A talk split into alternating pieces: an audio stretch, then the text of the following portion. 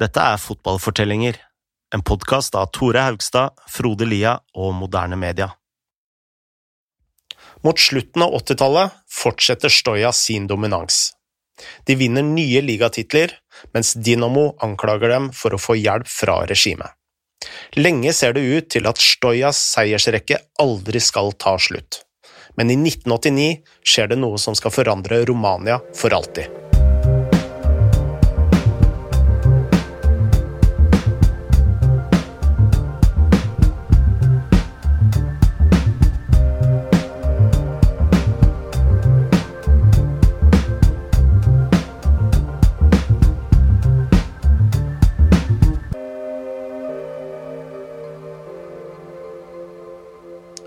Høsten 1986 var Stoja rumenske og europeiske mestere.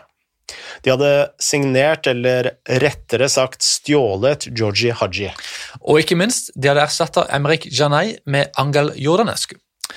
Emanuel Rosu fortalte oss om hvordan Staua endra seg med dette trenerbyttet.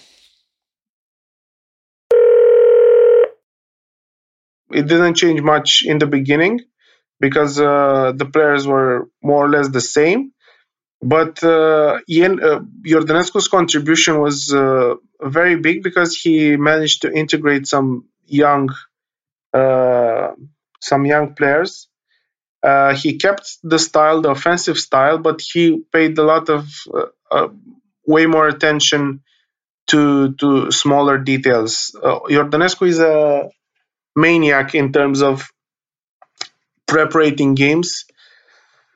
Yene was more about the vibe and more about uh, the, the, positives and more about the confidence than uh, Jordanescu. Jordanescu was more like a, a pragmatic uh, coach who was desperate about detail, like I told you. I would say that Jordanescu managed to to put his his mark on the team, but at the same time, uh, the football didn't change. That's uh, that's the important uh, uh the important thing here. So they have uh, new players. Yes, they have Haji, which is a big a big big advantage. They changed the team, they changed the manager, but they kept the the great style of football, and that's to Jordanescu's credit as well. Under Jordan Desco vant Stoya en tredje strake ligatittel i 1987. Og eh, marginen var stor. Stoya gikk ubeseira gjennom hele sesongen, 15 poeng foran Dinamo, noe som skulle vært 23 eh, om seieren hadde gitt tre poeng som i dag. Dette skulle jo også tilsi at Stoya fortsatt manipulerte dommere, motstandere osv., men Dinamo var slett ikke uskyldig, de heller. Nei, på ingen måte. Uh, innen dette var Dinamos trener Mirceu Mircea, Mircea Lucescu, som nå hadde vært der siden 1985. og uh, de som uh, ikke har fulgt fotball så lenge, husker han sikkert som treneren til Sjakta Donetsk i en årrekke. Den sesongen, da, i 87, var Dinamo som vi sa, langt under tittelen, men de hadde en spiss ved navn Radon, Rodion Kamataru, som var i ferd med å cruise inn til den rumenske toppskårertittelen. Men å ha toppskåreren i Romania var ikke nok for Dinamo. De ville ha Kamataru skulle vinne gullstøvelen som eh, toppskårer i Europa. Eh, der lå han lenge bak østerrikeren Tony Polstyr, men i løpet av de siste seks rundene begynte Kamataru plutselig å bøtte inn mål. Her snakker vi om eh, fire og fem mål per kamp. Ja, det var helt vilt. og det var jo Faktisk til slutt da, så, så, så skårte Kamataru 20 mål på de siste seks kampene, eh, og vant gullstøvelen foran eh, Polster. Og eh, dette virka jo litt sånn mistenkelig både i Romania og i Europa generelt. Kostin Stukan fortalte oss om en episode som bidrar til å forklare hvorfor Kamataru plutselig skåret så ofte. I'm going to tell you a story that one of the coach of the, the small clubs in the first league told me live in our show. He told me that before the game against Dinamo Bucharest, his team was threatened with relegation, and Mircea Lucescu and two of Dinamo players enter his dressing room his team was the home team, Lucescu was the away team, and he said, "Do you want to save yourself from relegation? Okay, today we have to." Uh, end the game in a draw, 3-3 or 4-4, something like that. And Kamataru, who was the main forward of Dinamo Bucharest, had to score three goals. Okay, this coach told told us that he, in the first instance, he decided to refuse, and from then on, he went on to to to hate Lucescu. Even after the nineties, he told every time he had the chance in public about Lucescu's methods. He accused them of, of, of these things, you know, and uh, he said, in the first instance, I decided to, to refuse the offer. But then the players, my players, talked between them and he said, let's agree, let's, let's take it. And the game ended 3-3, I think, and Kamataru scored the goals. And Kamataru went on to score 44, I think, goals and beat Tony Polster by two or three goals and won the Golden Boot. But then after 1990, when these these things were found by UEFA, UEFA decided, I don't know for for how long, they decided to cancel the, the Golden Boot, to, to, to do not award the Golden Boot anymore because of these antics, because of, of way of, of doing the goal scorers, of, of, of fabricating Golden Boots. Sesongen 1987-88 var Dinamo tilbake i tittelkampen. Det så ut til at de hadde skjerpa seg, eller bør vi kanskje si at det var Securitatet bak sceneteppet som endelig hadde våkna opp. Um, uansett så ble dominansen til Stoya og Dinamo nå nesten latterlig stor. Den sesongen vant Dinamo 30 av 34 kamper. De tapte kun én og skåret 107 mål. Og likevel havnet de bak Stoya, som tok ett poeng mer. Dinamo klaget nå på alle lenkene mellom Stoja og regimet, og Lukesko følte at Stoja vant kun fordi de hadde diktatorens sønn. Vi kan jo si at eh, bare var bitter, men eh, kanskje han hadde et eh, poeng også? Ja, jeg tror kanskje han hadde det. I hvert fall om vi ser på det som skjedde i cupfinalen i Romania i 1988. Selvfølgelig var det Stoja og Dinamo som møtte hverandre.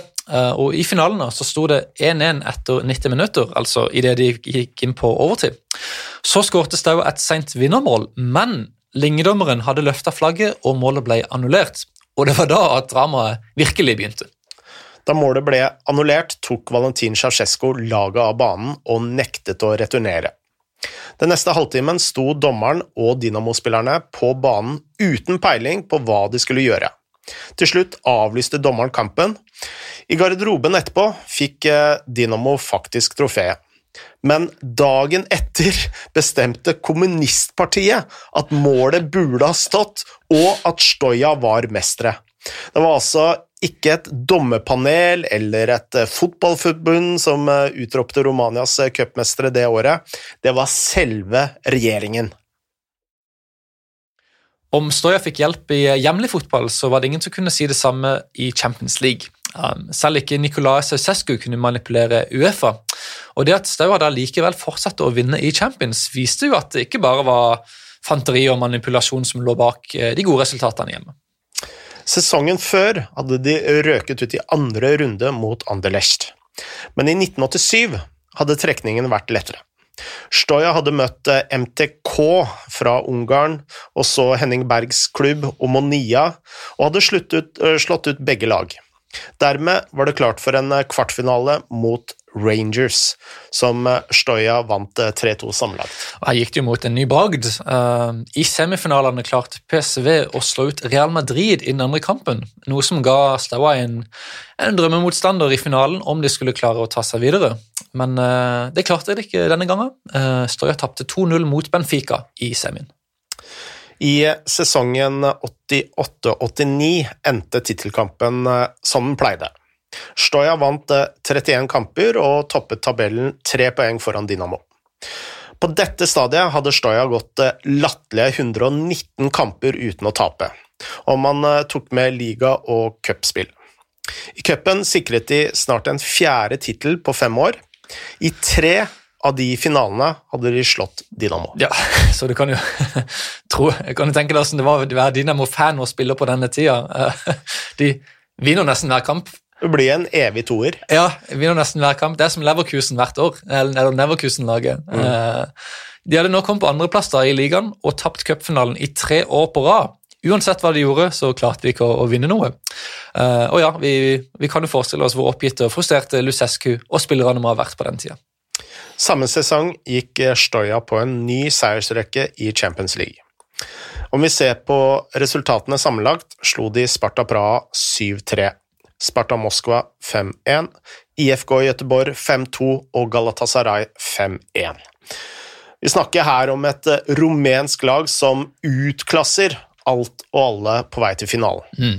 Men Stoya visste jo også at finalen kommer til å bli mye tøffere enn det de hadde eh, fått til så langt. Eh, og igjen her så støter vi jo på en historie vi har fortalt om før, nemlig AC Milans gullalder under Silvio Berlusconi. Alle våre sesonger henger jo sammen på en eller annen måte, virker det som. De gjør det. de gjør det. Uh, og uh, på den tida da, så var det jo, som vi vet, Arigo Sacchi som var trener, uh, og som var i ferd med å revolusjonere fotballen med sitt 4-4-2 og soneforsvar. Og dette var jo i tida før han ble helt utbrent og sleit ut spillerne. Det var, de var, Milan var helt på topp på denne tida. Eh, spilte en fotball som lå mange mange år forut for sin tid. Eh, og det merka man i finalen på kamp nå, hvor Milans knuste Stoya 4-0.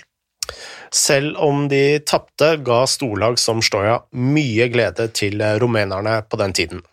De hadde jo tross alt veldig lite annet å juble for. I 1988 dro LA, LA Times-journalisten Charles T. Powers på besøk til Bucuresti for å skrive om eh, Romanias tilstand. Der så han at eh, folk måtte spare på strøm og elektrisitet for syvende vinter på rad. Det samme gjaldt eh, smør og sukker og mat for øvrig. Ja. eh, kjøtt spesielt var så vanskelig å finne nå at flere slaktere bare hadde stengt. Det var vanskelig å finne poteter. Eh, helt elementære ting eh, som man trenger for å spise. Eh, og Powers beskriver den scene i Bucuresti hvor han ser en vogn med appelsiner som ankommer et marked i Bucuresti. Da former det seg altså en kø på 70 meters lengde og fire mann i bredden for å få tak i disse appelsinene. Så ille var situasjonen. Så utenom sport var det nesten ikke underholdning å få tak i. Altså, alt var bare grått og trist og forferdelig. Folket fikk eh, to timer med TV-sending om dagen, og dette var nesten kun propaganda om eh, Ceaucescu. Altså, hvis du var maler eller poeter, måtte du utelukkende lage verk som hyllet Ceaucescu. Bokhandlerne for eksempel, de solgte taler og bøkene til Ceaucescu, og i tillegg så var det jo selvsagt portretter som du ser eh, på sånne, i sånne kommunistiske diktaturer overalt. Mm. Uh, det var helt utrolig uh, hva som skjedde, men uh, det, er jo, det er jo grenser for hvor man kan, langt man kan strekke denne strikken, da, selv i et sånt regime. Og på slutten av 80-tallet var det tegn på at Ceaucescu endelig holdt på å miste kontrollen over dette. Um, I utlandet anså, ble, altså han ble ansett i Sovjetunionen som en sånn gammeldags stalinist. Det gode forholdet med Vesten var svekka. Eh, Både Amnesty og USA hadde kritisert Romanias mange brudd på helt elementære menneskerettigheter. Eh, Og på hjemlige trakter da, så hadde flere og flere fått nok av all denne elendigheten og fattigdommen, og ikke minst urettferdigheten. For det var jo, han brukte jo en formue på, på sine palasser og dette parlamentet parlament, osv. Ja, for det er jo det ironiske med det kommunistiske styret, hvor alle på mange måter skal være like, men det er jo Altså, I hvert fall på 80- og 90-tallet så var det jo ingen andre steder hvor det var mer ulikhet enn i de kommunistiske regimene. Helt sant. Og innen 1987 hadde det dannet seg flere politiske grupper mot Ceaucescu. I byen Brasov hadde 20 000 demonstrert, og de hadde faktisk brent portretter av Ceaucescu og kona på gata. Som vanlig gikk eh, Securitate hardt til verks, men eh, innen høsten 1989 slet selv de med å kontrollere misnøyen i Romania. I desember det året var det en stor demonstrasjon igjen, og denne gangen i byen Timisoara, hvor folk brøt seg inn på kommunistenes kontorer. Eh, og Denne gangen så var det ikke bare sånn uh, politi som liksom svingte med disse Hva heter det, de der køllene de har? Batonger. Batonger, riktig. Uh, Hæren og Securitate svarte her med å skyte mot folkemengden, og flere hundre personer ble drept. Um, og Selv i Romania så var dette en, en skandaløs uh, handling. Uh, episoden satte sinnet i kok hos store deler av nasjonen, og snart brøt ut flere protester over hele landet mot Ceausescu og regimet. Og dette var jo alvorlig for Ceausescu. Snart holdt han en stor tale i Bucuresti hvor han slaktet de fascistiske opprørerne i Timosiara. Hans ord. Slakta, ja. Men eh, folkemengden buet på Ceaucescu og kastet ting etter ham. Og dette er et eh, veldig kjent eh, klipp som du også kan finne på YouTube. veldig fascinerende å se på.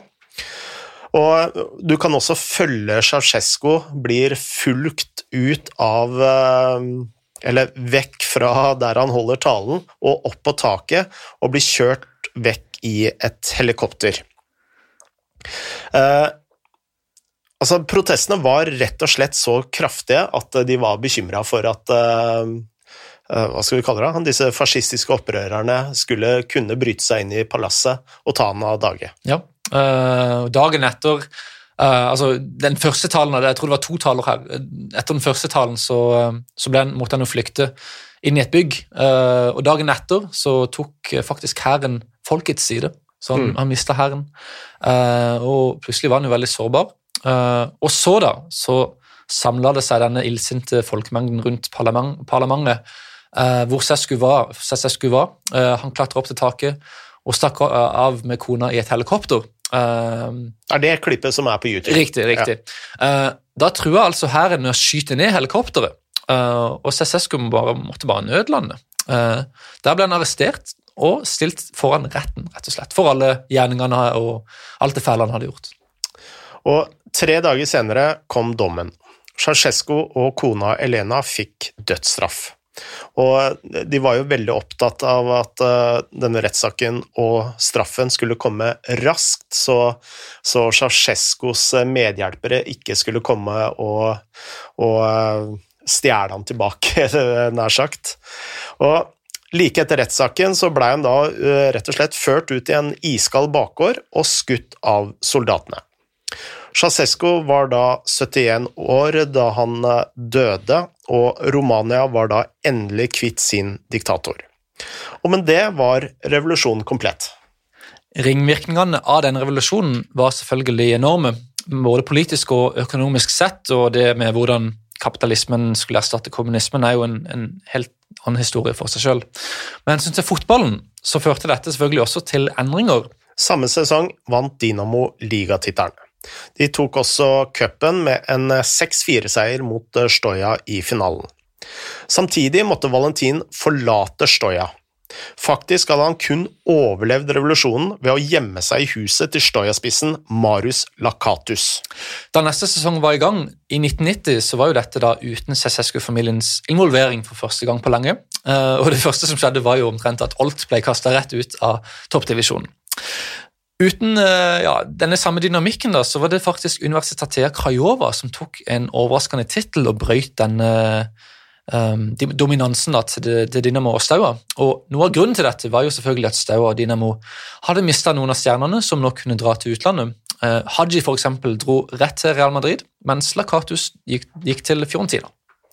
Sesongen etter var Stoya og Dynamo tilbake i toppen. Selv under kapitalismen skulle de to lagene fortsette å dominere rumensk fotball de neste to tiårene. Men revolusjonen hadde gjort det umulig for dem å slå de beste lagene i Europa. For det rumenske folket var terroren under Ceaucescu endelig borte. For rumensk fotball var storhetstiden over for godt.